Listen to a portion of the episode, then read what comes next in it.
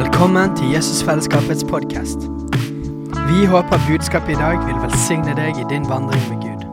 Og om du vil ha mer informasjon om menigheten, kan du gå inn på jesusfellesskapet.no.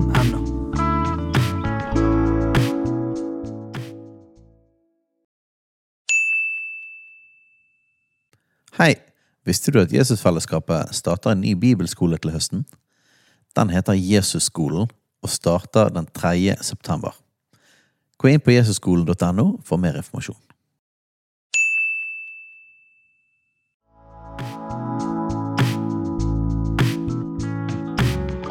Velkommen til Jesusfellesskapets podkast. Vi håper budskapet i dag vil velsigne deg i din vandring med Gud. Og om du vil ha mer informasjon om menigheten, kan du gå inn på jesusfellesskapet.no.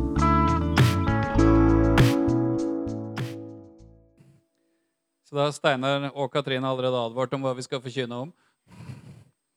Tatt ca. halvparten av poengene jeg skulle komme med også, men det er jo bare, det bare sånn det er. Ja. Det må vi leve med. Det går veldig bra. Ja, ja, det er fint. Uh, dette her er jo egentlig en sånn type forkynnelse som egentlig først og fremst er for de som ikke er her. Men dere får ta den, dere som er her. da, så For de som ikke er her, bare se meg rett inn i her. Ja. Hvis de er på livestreamen i så fall. Men det, det er jo fint. Nei, men altså, Det har jo i løpet av denne koronatida vært veldig mye sitte hjemme. Eh, noe av det er jo koselig. Jeg syns jo egentlig stabsmøter i joggebukse er veldig ålreit. Jeg må bare innrømme det. At liksom, jeg bare venter litt, så skal jeg gå og hente meg en kopp te. ikke sant? Altså, det, det. Men det er noen ting som ikke funker like bra på skjerm. altså. Det er det. Eh, det er noe med fellesskap. Og ja, vi skal overholde og respektere restriksjonene. De, de, er viktige. Men vi skal samtidig ikke slutte å leve og tenke at vi, vi slutter å leve i fellesskap, og det venter vi med til koronaen er over. Nå skal jeg si noe jeg ikke tror på i det hele tatt, men tenk om det stadig kommer nye mutasjoner. Da, sånn at Vi holder på med dette her i fem år.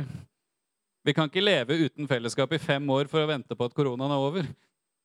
Det går ikke, det. Vi skal beskytte, vi skal gjøre forhåndsregler for spesielt å beskytte de som er utsatte, for de vil vi absolutt ikke skal få dette her.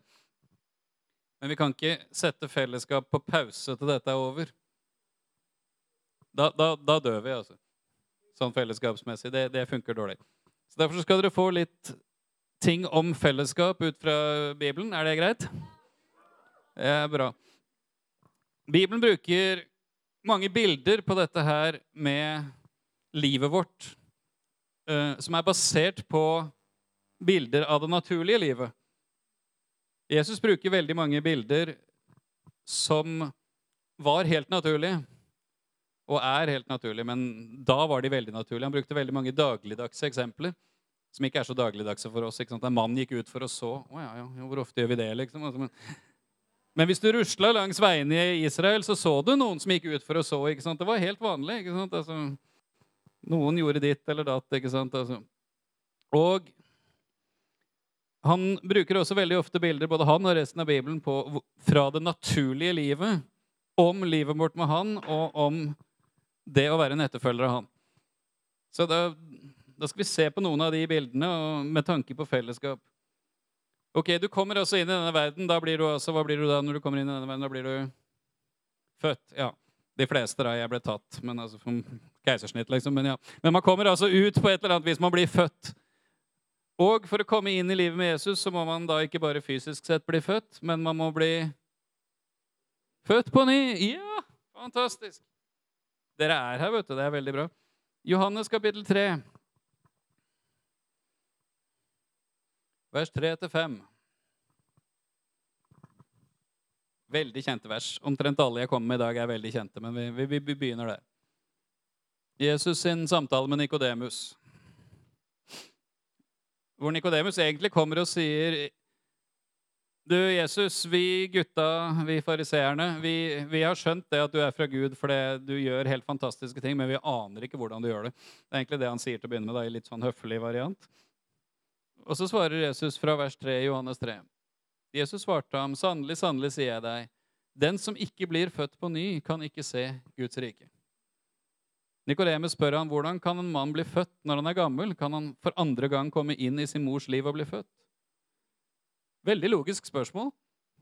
For den som ikke er åndeliggjort allerede, si, som har hørt det så mange ganger. Jesus svarte, 'Sannelig, sannelig, sier jeg deg, den som ikke blir født av vann og ånd, kan ikke komme inn i Guds rike.' Man må altså bli født på ny. Livet med Jesus begynner med at man blir født på ny.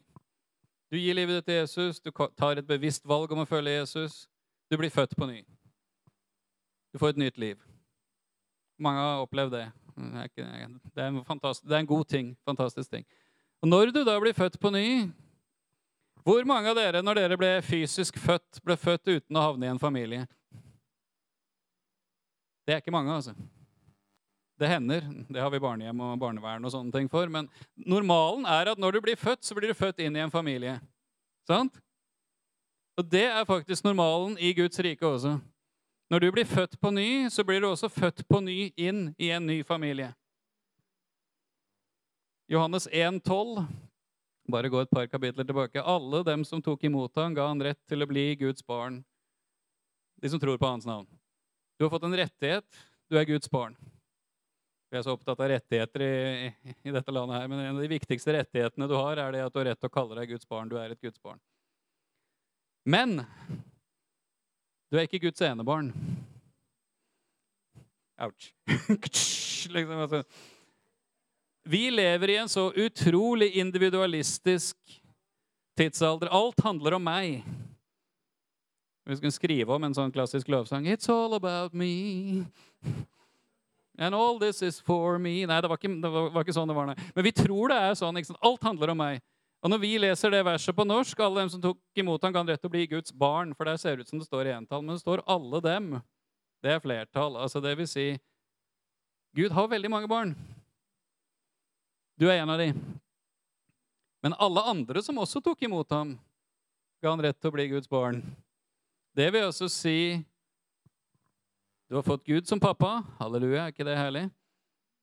Jesus er vår storebror. Kan gjerne si at Den hellige ånd er vår mor, uten at det blir liberalteologisk. For Den hellige ånd på hebraisk er faktisk et hunnkjønnsord. men vi går ikke veldig langt inn i den. Så ikke, ikke begynn å skrive til dagen og sånn nå. Okay, Men, jeg, men, Gud er så stor. Han skapte mann og kvinne i sitt bilde. Gud inneholder både mor og far. sånn sett. Altså. Men han velger å kalle seg far, så da gjør vi det. Men du, du har fått hele pakka. Du har fått mor, far, storebror. Full pakke. Men du har fått veldig mange andre søsken også. Bare se deg rundt. Mange søsken. Eh, fordi det er liksom ikke sånn Vi er altså så utrolig individualistiske. Vi elsker alt det, alt det der med altså, 'Å, Jesus og jeg', og 'vi må ha tid med Jesus'. Og det må vi. Det er viktig. Men du må faktisk ha litt tid med familien òg. Har du oppdaga det noen gang? Ja, sitter en dame ute på høyre side for meg her. Hvis ikke hun får nok tid med meg, så blir det ikke så veldig gøy i familien. Altså. Selv om vi bare er to. Men altså, ja, hallo. Må ha litt tid med familien òg. Altså. Og det er altså så enkelt som at Hva er det Paulus sier da? Nå husker jeg plutselig ikke hva som står der, så da må vi lese det. Feserne 2,19. Det burde Sverre ha lest, da, sikkert, siden det var Efeserbrevet. Fordi... hva står det i Feserne 2,19?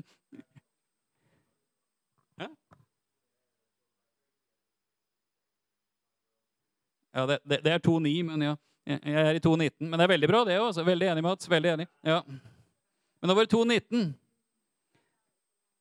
Derfor er dere ikke lenger fremmede og utlendinger, men, med, men, medborgere med de hellige, og dere hører til Guds husfolk. Husfolk er det samme som familie. Guds husholdning. Vi, altså hører til, vi er ikke fremmede, vi er ikke utlendinger. Halleluja. Vi hører til Guds familie. Og Jesus er rimelig radikal på den greia der. Han er faktisk så radikal på den greia der at det nesten kan være ubehagelig. Uh, Matteus kapittel 12, vers 46-50.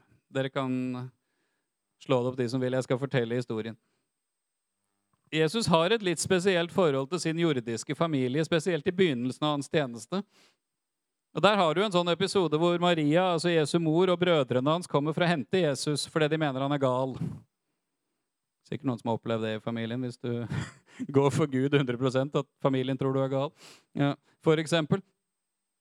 Og så får Jesus beskjed da han sitter inne i et hus og underviser. og så får Jesus beskjed, du, Din mor og dine brødre står utenfor. Så ser Jesus seg rundt og sier Jesus, 'Hvem er min mor, og hvem er mine brødre?' Og så ser han på disiplene, og så sier han, 'De som gjør min himmelske fars vilje'. Forferdelig slem Jesus er mot mamma og brødrene. altså. Tenk å behandle mora si sånn. Det hadde min mor sagt hvis jeg hadde sagt det der. Tenk å si noe sånt til moderen sin fra Fleksnes. ikke sant? Altså. Men det er faktisk noe med at du har en fysisk familie, og jeg håper du har en god relasjon til den. Men du har en åndelig familie. Alle de andre som har bestemt seg for å følge Jesus, er din familie. Og Det er et gammelt ordtak som sier 'blod er tykkere enn vann'. Ikke sant? Men Vi må holde sammen i familien. ikke sant? Men Jeg liker å sitere Smith Wigglesworth på det, for han pleide å si 'men ånd er tykkere enn blod'. Og jeg må gladelig innrømme, altså jeg er oppvokst som enebarn og, og, og litt sånne ting, men eh, Og nå har jeg ikke så veldig mange igjen, sånn sett, bortsett fra Ingebjørg. Det er veldig bra. Men, eh, men sånn av fysisk familie Nå har jeg kommet over på fetter og kusiner og en gammel tante som er i live. Sånn. Det er helt klart, Jeg har veldig mange mennesker jeg har en nærmere relasjon til enn min fysiske familie. altså. Og 99% av de, det har å gjøre med at vi følger samme Herre, og vi tilhører samme åndelige familie. I den grad din fysiske familie er en god åndelig familie, så er det halleluja og fantastisk. Men i den grad det ikke er det, så har du en familie for det. altså. Det er familien av alle de som tilhører Jesus. Og Bibelen beskriver det som at vi er en del av en kropp. Når du blir født på ny, når du blir, kommer inn i Guds familie, så blir du en del av en kropp eller et legeme. Første Korinterbrev, kapittel 12. Det må vi nesten se litt på. Første kor 12 det er jo noe som alle karismatikere liker, men det er ikke den delen vi skal se på akkurat nå. Skal vi se Første kor 12. Det er vanskelig med Der var det, vet du. Nye bibler de er veldig slemme, fordi de vil ikke ligge der jeg vil de skal ligge. Fordi de er bladd i for lite. Gamle bibler er greie, de blir liggende, men nye bibler er vanskelig. Altså. Ja. Første kor 12, 13. For i eller med én ånd ble vi alle døpt inn i én kropp. Enten vi er jøder eller grekere, enten vi er slaver frie, og vi har alle fått én ånd å drikke. Hvor mange syns det er kjekt det der med dåp i Den hellige ånd og sånne ting? Sånn, liksom sånn Karismatiske kristne liker dåp i Den hellige ånd. og alle mulige sånne ting. Men en av de tingene som skjer når du blir døpt i Den hellige ånd, en av de tingene som skjer når du får Den hellige ånd, er at du blir en del av én kropp. Fordi det, det, er jo ikke mange forskjellige hellige ånd, er det det? Det er ikke sånn 'jeg har fått en, og du har fått en annen'. ikke sant? Vi har alle fått den samme ånd, og da tilhører vi også den samme kropp. En av funksjonene ved det at du blir døpt i Den hellige ånd, er at du også kjenner i din ånd at du tilhører dette legemet, Jesu legeme. Har du vært med på den gangen? Hvis ikke du har vært med på det, så anbefaler jeg det på det varmeste. Ta deg en tur på misjonstur. Reis til et eller annet land hvor du ikke kan et ord av språket.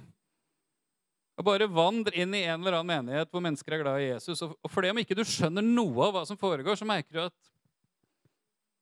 Ja, sorry, nå ble jeg emosjonell. Altså. Dette er min familie, altså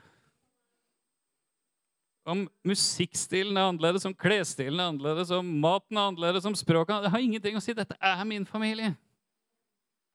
Fordi du merker at det er noe på innsida som vi har felles, om vi ikke skjønner et ord av hva de andre sier. Det er jo fantastisk, er det ikke det? da? Det er det Jesus kaller menighet. Hans kropp, hans legeme. Og menighet er en fin ting, men da tenker vi veldig ofte liksom, ja, menighet. ja. Menighet betyr rett og slett bare de som er kalt sammen. Et ord på gresk som kommer fra altså alt fra altså et bystyre var kalt sammen, til altså en vilkårlig gjeng med mennesker som møttes på torget, kunne være altså en, en forsamling. Noe som er kalt sammen. Og Hvis du er kalt av Jesus, og det er du hvis du har gitt livet ditt til Jesus. Da er du kalt av Jesus. Men en av de tingene du da er kalt til, er at du er kalt sammen med andre som følger Jesus. Og Jesus er altså så overbevist om dette her at det er helt radikalt. Du skjønner, jeg lærte av en, av en person en gang, du vet altså Du går ikke i menighet. Du lever menighet. Altså Hvis dette er et fellesskap, hvis dette er et legeme, hvis dette er et åndelig liv, så er det ikke bare at du går i en menighet. Det vil også si det er en bygning du går ut og inn av, tenker mange da. Men du lever faktisk menighet. Du lever i fellesskap. Og Jesus er altså så radikal på sin menighet at det er helt voldsomt. Du hørte om Paulus, sant? Ja, ja det var godt. Bare se om du er våken. Du har hørt om Paulus, ja. Det er fint. Men før han het Paulus, så het han Saulus. Og jeg skjønner hvorfor han skifta navn, for å si det sånn. Det hadde kanskje jeg gjort òg hvis jeg hadde den fortida. Altså, som Saulus så drev denne fyren og forfulgte de kristne. Det har vi fått med deg ikke sant? hvis du har lest tidlige apostlenes gjerninger. Han forfulgte de som trodde på Jesus. De han mente var altså i opprør mot jødedommen. ikke sant? Og så er denne mannen på vei til Damaskus for å legge i lenker alle de som følger Jesus. Alle de kristne. Så kommer da et skarpt lys, og han blir slått av hesten, og han hører en stemme. Og Hva er det Jesus sier til Paulus da? Ja, hvorfor forfølger du meg? Men Paulus trodde jo ikke han forfulgte Jesus. Gjorde han det? Han trodde han forfulgte disse menneskene som trodde på Jesus. Han forfulgte ikke Jesus fysisk. Jesus får fart opp til himmelen. sant? Men for de han forfulgte de som trodde på Jesus, så sa Jesus at han forfulgte han. Jesus identifiserer seg faktisk sånn med sitt legeme, med sin menighet, at han omtaler den som at det som skjer med den, det skjer med han. Det er jo ikke småtteri, da. altså.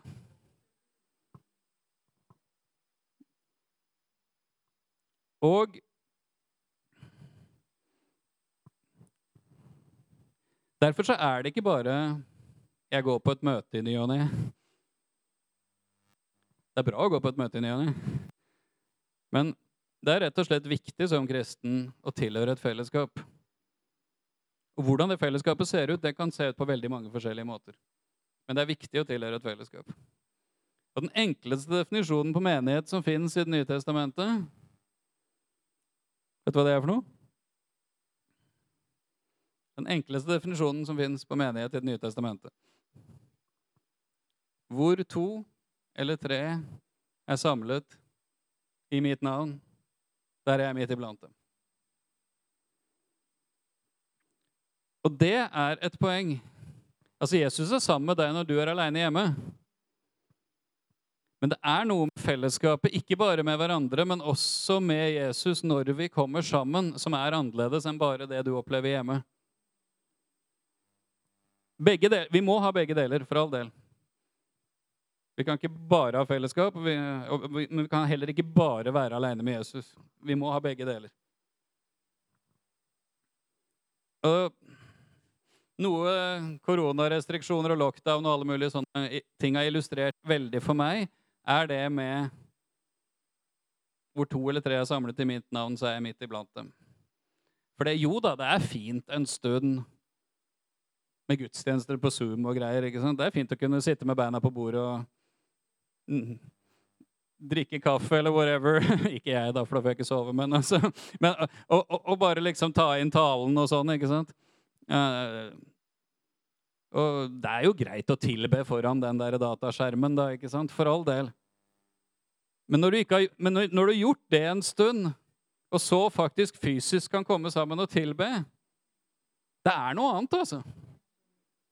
Det er noe som skjer når vi fysisk sett kommer sammen og tilber, som har med noe så enkelt å gjøre som at hvor to eller tre er samlet i mitt navn, så er jeg midt iblant dem. Hvorfor? Fordi han har lovt at det er sånn. Ikke, han får forklare det, men han har sagt det, og derfor er det sånn. Så når vi fant ut de siste livesendingene vi hadde før vi hadde fysiske møter igjen før jul, da var vi jo en gjeng som var her i salen og hadde livesending. Og det var utrolig mye bedre. Om jeg så ikke syntes på skjermen i det hele tatt, for det var ikke poeng. Det var utrolig mye bedre å, å stå et eller annet sted i rommet her og tilbe sammen med 10-15-20 andre enn bare å sitte hjemme foran den skjermen og skulle være med på tilbedelsen. Det igjen var mye bedre enn å ikke ha noe som helst. For all del. Og det var derfor vi hadde det. Men det kan ikke sammenlignes med fysisk å komme sammen og tilbe sammen og være sammen og ha fellesskap både med Jesus og hverandre. Det kan ikke sammenlignes. altså. Og den dagen vi tror det kan sammenlignes, så har vi bomma. altså. Jeg tenkte på det i dag. Vi sang 'We have come to love you in this place'. in this place. Altså, I koronatida så var det mer 'We have come to love you in this place'. in this place. Altså, for, foran skjerm. For, altså, altså, Men det er ikke helt det samme. altså. Altså, Sagt på en litt annen måte, for å si det litt dumt. da. Altså, jeg syns jo det er veldig hyggelig når jeg er et annet sted, så er det veldig hyggelig å snakke med Ingebjørg på FaceTime, men det er ikke det samme som å være sammen med henne fysisk. altså.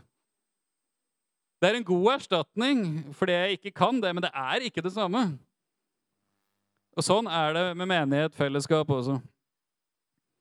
Derfor er det også så mye angrep på det med fellesskap.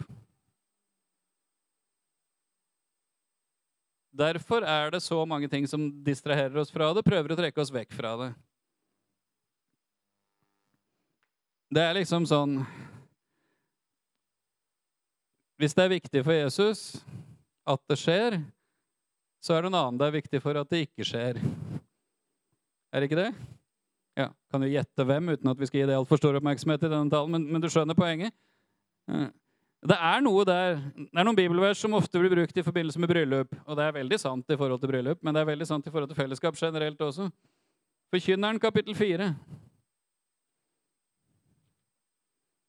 Klarer jeg å finne det? Jo, jeg tror det. Jeg vet sånn cirka hvor det er når jeg tenker meg om. Etter ordspråkene. Så, så. Jeg har jo sånn, jeg har fått sånn bibel hvor det står sånn på sånne små greier her òg. Forkynneren, kapittel 4. Fra vers 9.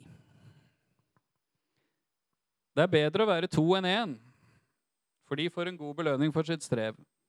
For hvis de faller, vil den ene reise opp sin venn, men stakkars den som er alene når han faller, har han ingen annen til å reise seg opp igjen. Likeså når to ligger sammen, holder de seg varme. Hvordan kan en som ligger alene, holde seg varm? Selv om den ene kan bli overmannet av en annen, så kan to holde stand mot ham, men tretvinnet snor blir ikke så snart revet over.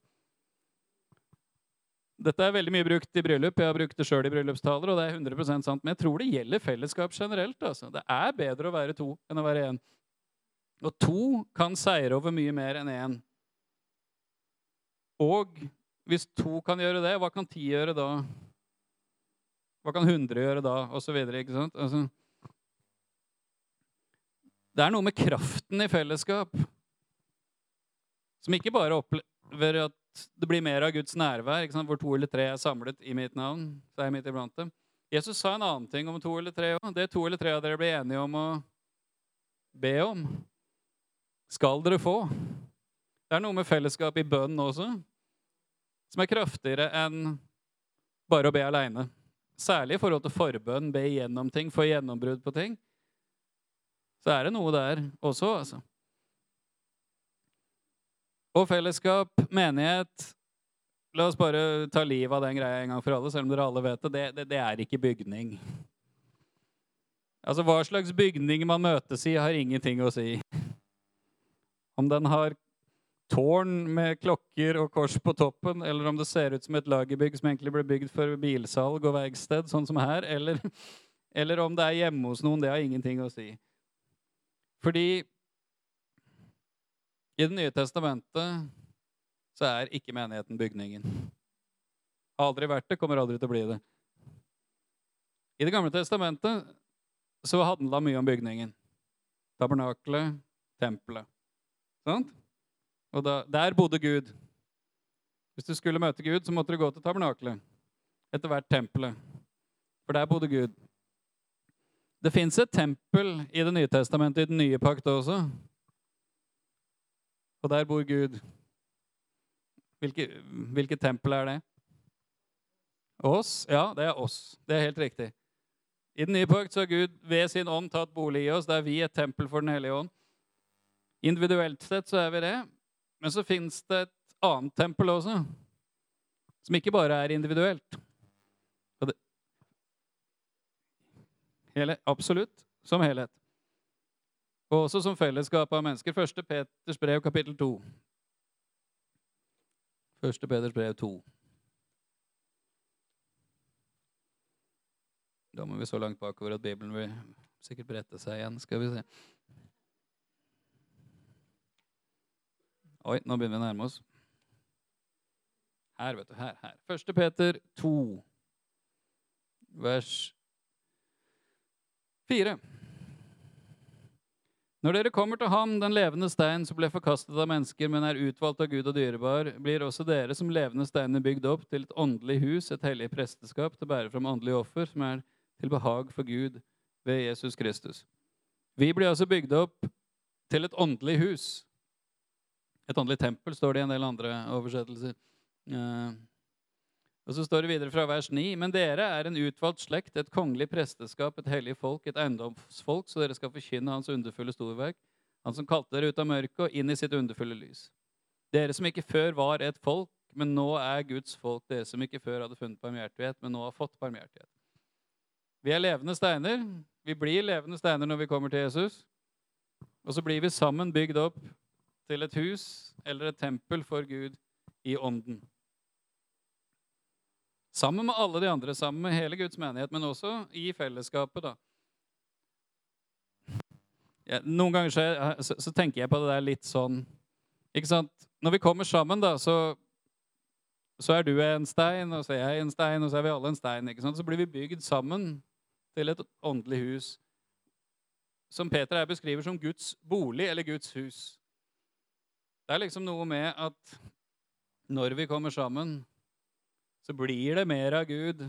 Ikke fordi Gud plutselig ble mer, men fordi fellesskapet er noe Gud tar bolig i på en annen måte enn bare når vi er én og én. Og Hvorfor det er sånn, det må du spørre han om, men det er faktisk sånn. Og Derfor er fellesskapet viktig. Og jeg oppdaga en ting opp gjennom åra. Eh, noen ting får du bare av Gud aleine. Men noen ting har Gud gjort sånn at du får det bare gjennom andre. Og begge deler er riktig, og begge deler er viktig. Frelsen er Guds verk alene for all del. altså, ikke sant? Altså, Bli født på ny, hele pakka. Og Mange ting får du bare av Gud alene. Mange ting får du bare gjennom fellesskapet. Og jeg tror Gud har gjort det sånn. Fordi han vil at vi skal være avhengig ikke bare av han, men også av hverandre. Jesus sa i Matteus 11, en veldig kjente vers, Kom til meg, alle dere som har strever og har tungt å bære, og jeg vil gi dere hvile. Mm. Halleluja. Herlig. Fantastisk. Mange opplevde det noen gang. Kom til Jesus og få lesse av seg børa. Så sier Paulus i Galaterbrevet, bær hverandres byrder. Han sa ikke 'vær', han sa 'bær'. bare sånn det er sagt. Liksom. Noen ganger så kan det jo føles sånn, men altså, nei, let's not go there. ikke 'vær', men 'bær'. Ja. Og jeg tror at noen ganger så er den eneste måten vi faktisk kan oppleve at vi virkelig får komme til Jesus og få hvile og få lessa av oss børa, er ved at vi får hjelp av noen andre som er med og bærer byrdene sammen med oss. At En av måtene Jesus gjør det på, er at han plasserer mennesker rundt oss som kan være med og bære ting sammen med oss som ikke vi klarer å bære aleine. Vi elsker å få ting direkte fra Jesus, men noen ting får vi bare fra Jesus gjennom andre. Og jeg tror det er sånn fordi det er ment å være sånn. Sånn, skal vi snart lande dette, dette, her på et eller annet vis? Hvordan skal vi lande det, da? Jo, det skal vi gjøre, vet du. For eksempel, det har, snakket, det har jeg snakka om noen ganger. Når du kommer til Jesus og begynner å følge han, så ønsker han at hans bilde skal prege deg, at hans karakter skal begynne å prege deg, at hans ånd skal begynne å forme og danne og prege oss. ikke sant? At det som skal vokse fram i oss da, er det Bibelen kaller åndens frukt. Galaterne 5.22. Dere har hørt så mye om det, så vi, vi ramser ikke opp de akkurat nå. Men åndens frukt, kjærlighet, glede, fred osv. Fantastiske greier. Hvor, hvor, mange har lyst på mer av det? Hvor mange, mange trenger mer kjærlighet, glede, fred, overbærenhet, tålmodighet osv. osv. Kjærlighet og glede og fred får du veldig mye direkte fra Gud. Men resten av de der fruktene der, de kan egentlig bare utvikles sammen med andre. altså. For trust me, du trenger ikke aldri så mye tålmodighet som når du er sammen med andre mennesker. altså. Altså, Overbærenhet, hvor mye trenger du det hvis du er aleine? Ja, ja, noen av oss er litt harde med oss sjøl, så da kan vi trenge å lære det òg. Men, altså, men altså, overbærenhet, ikke sant? Altså, være mild, være tilgivende, være alt dette her. Måten det vokser fram i oss på, er at noen ganger så tvinger Gud oss sammen med mennesker, og så må du lære deg å leve sammen med dem, og lære deg å tåle dem, faktisk, og elske dem. Og være like overbærende med de som du er med deg sjøl. Og så vokser det frukt ut av det. Som du ikke kan få bare ved å være helt aleine. Let's face it. Jeg kjenner noen mennesker som har vært aleine med Gud i 20 år. Noen av de er de særeste menneskene jeg kjenner. altså.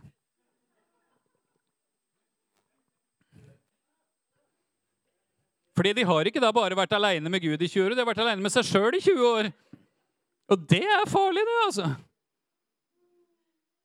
Fordi da har du ikke hatt den slipinga og forminga du får ved at du faktisk må forholde deg til andre mennesker. Og at noen faktisk kan si til deg du, 'Det der vet jeg ikke om er veldig bra'. altså. Eller noen kan si, Når du sier ting på den måten der, så hender det at jeg syns det blir litt vanskelig. altså ikke sånn, jeg har vært borti mennesker som kan, som kan, undervise deg omtrent alt fra Bibelen og kan profetere deg i senk, men jeg ville ikke tatt imot på, på besøk til de fleste. altså.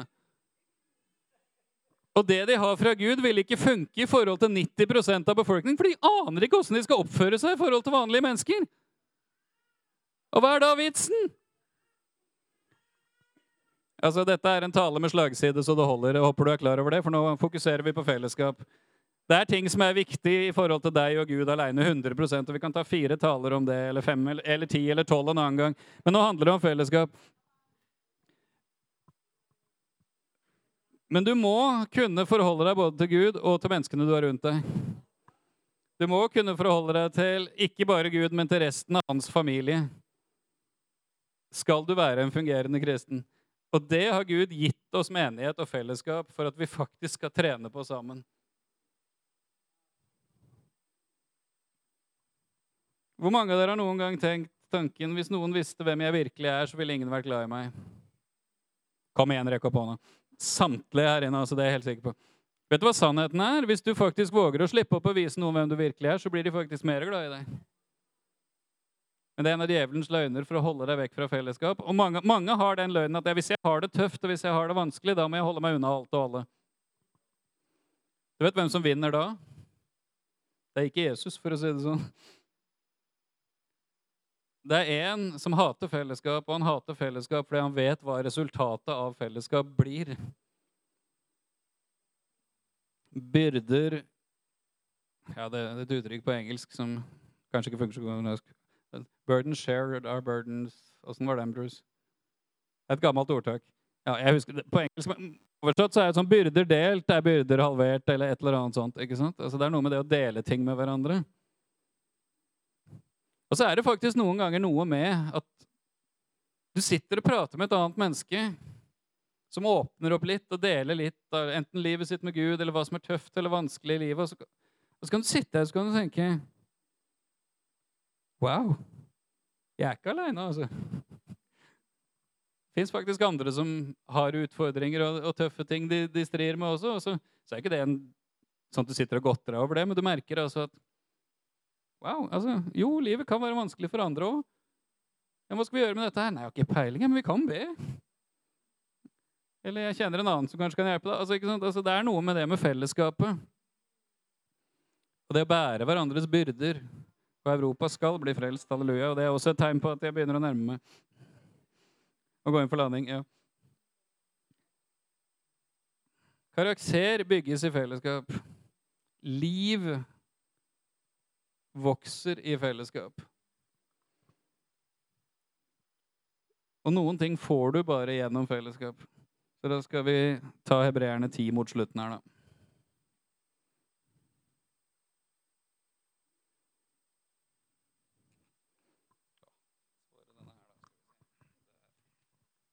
Sånn, vet du. Skal vi se. Hebreerne 10. Fra vers 19.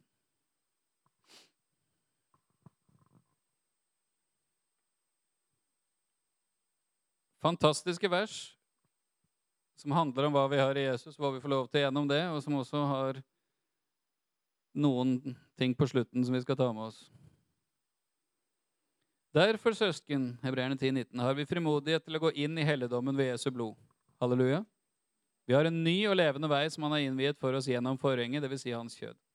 Vi kan altså gå inn gjennom forhenget, inn i Guds nærvær pga. Jesus. Det er bare én mann én gang i året fikk lov å gå inn før. Så jeg tror vi har en bedre pakt. Og siden vi har en øverste prest over Guds hus, så la oss komme nær med et sannferdig hjerte i troens fulle visshet, etter at vi har fått våre hjerter overstenket og på den måten blitt renset fra en ond samvittighet og fått våre kropper vasket med rent vann. Halleluja. Mye bra her. La oss uten å vakle holde fast på bekjennelsen av vårt håp, for Han som ga oss løftet, er trofast. Og la oss tenke på hverandre for å oppgløde hverandre til kjærlighet og gode gjerninger. Og la oss ikke svikte vår egen forsamling, slik noen har for vane, men la oss formane hverandre, og det så mye mer som dere ser at dagen nærmer seg. Jeg syns jo forfatteren av EB-brevet her oppsummerer ting veldig bra. Han forteller om alt det fantastiske vi har i Jesus. Og så sier han at skal vi virkelig komme inn i det, så vi tenke, må vi tenke på hverandre, oppmuntre og oppgløde hverandre, og ikke holde oss borte fra forsamlingen. For da får vi ikke del i alle disse tingene her skikkelig. Jeg kom da opp der, vet du. La oss ikke holdes borte fra vår egen forsamling. Slik noen har for vane. La oss formane hverandre, og det som egen medlem ser at dagen nærmer seg. Ja. Hvorfor det? Fordi det er ting du bare får gjennom fellesskapet, som ikke du får bare aleine. En historie som, som står eller som er en del av talen om menighet i, i det klassiske alfakurset. Som Steinar alltid skal ha meg til å referere når jeg kommer til fellesskap. Så den skal vi ta til slutt.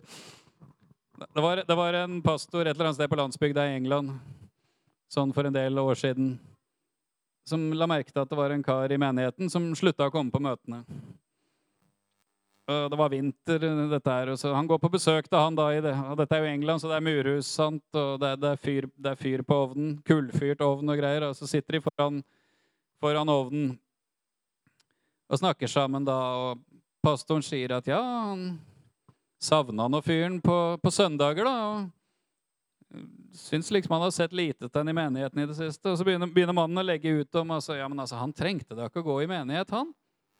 Han hadde en fantastisk relasjon til Jesus. Han, han ba, han leste Bibelen hver dag, han kunne høre gudstjeneste på radio. Han, kunne, han ramsa opp alle fordelene ved å slippe å gå i menighet. Og langt syntes han det var, og det var dårlig vær, og det var alt mulig. Pastoren var en eldre og vis mann, så han sa ikke så mye, han. Han satt og hørte på alle argumentene hans. Mens denne fyren argumenterer for hvorfor han ikke trengte å gå i menighet, så tar pastoren en kullbit ut av ovnen, og så legger han den bort på hylla ved siden av. Og mens denne fyren snakker seg varm om alt som gjorde at han ikke trengte menighet, så blir den kullbiten svart. Går fra å være rødglødende til å bli svart. Så ser mannen på kullbiten, og så ser han på pastoren, og så sier han, 'Jeg skjønner hva du mener. Vi ses neste søndag.' Jeg syns den er fin, ja, så jeg må si det. Jo da, du kan fint være en kristen uten menighet. Men du klarer ikke å forbli en brennende kristen uten menighet. Fordi, som vi, sitert, som vi fikk opp her, ikke sant? oppgløde og oppmuntre hverandre. Styrke hverandre, hjelpe hverandre.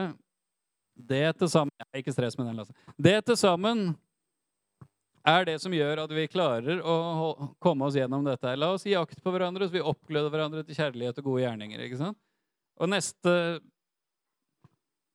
setning er å la oss ikke holde oss borte. Der, ikke sant? For hvis vi holder oss borte, så får vi ikke noen som oppmuntrer hverandre og hjelper hverandre. og, og alt Det der, ikke sant? Altså, det er noe med sammenhengen her. Du kan gjerne få lov å være en kristen uten menighet. Og når jeg sier menighet, så tenker jeg ikke bare i EF, da tenker jeg menighet generelt. Men du vil imponere meg hvis du i det lange løp klarer å være en brennende kristen som følger Jesus uten fellesskap. Jo da, du kan sikkert komme på et eller annet menneske. Det fins kanskje et eller annet hederlig unntak. Men det er unntaket, altså. Hvis jeg skal være helt ærlig, og det, skal man jo være, så skal jeg si noe veldig, veldig, veldig drastisk som en avslutning her. Du trenger menigheten mer enn menigheten trenger deg. Faktisk. Vi trenger fellesskap såpass mye at uten det så blir det ikke så mye liv ut av det. Altså. Amen? All right. Nå, nå har den små delen av fellesskapet kommet inn såpass at jeg tror vi skal gå inn for landing. Så da lar vi det være med det og sier halleluja. Amen.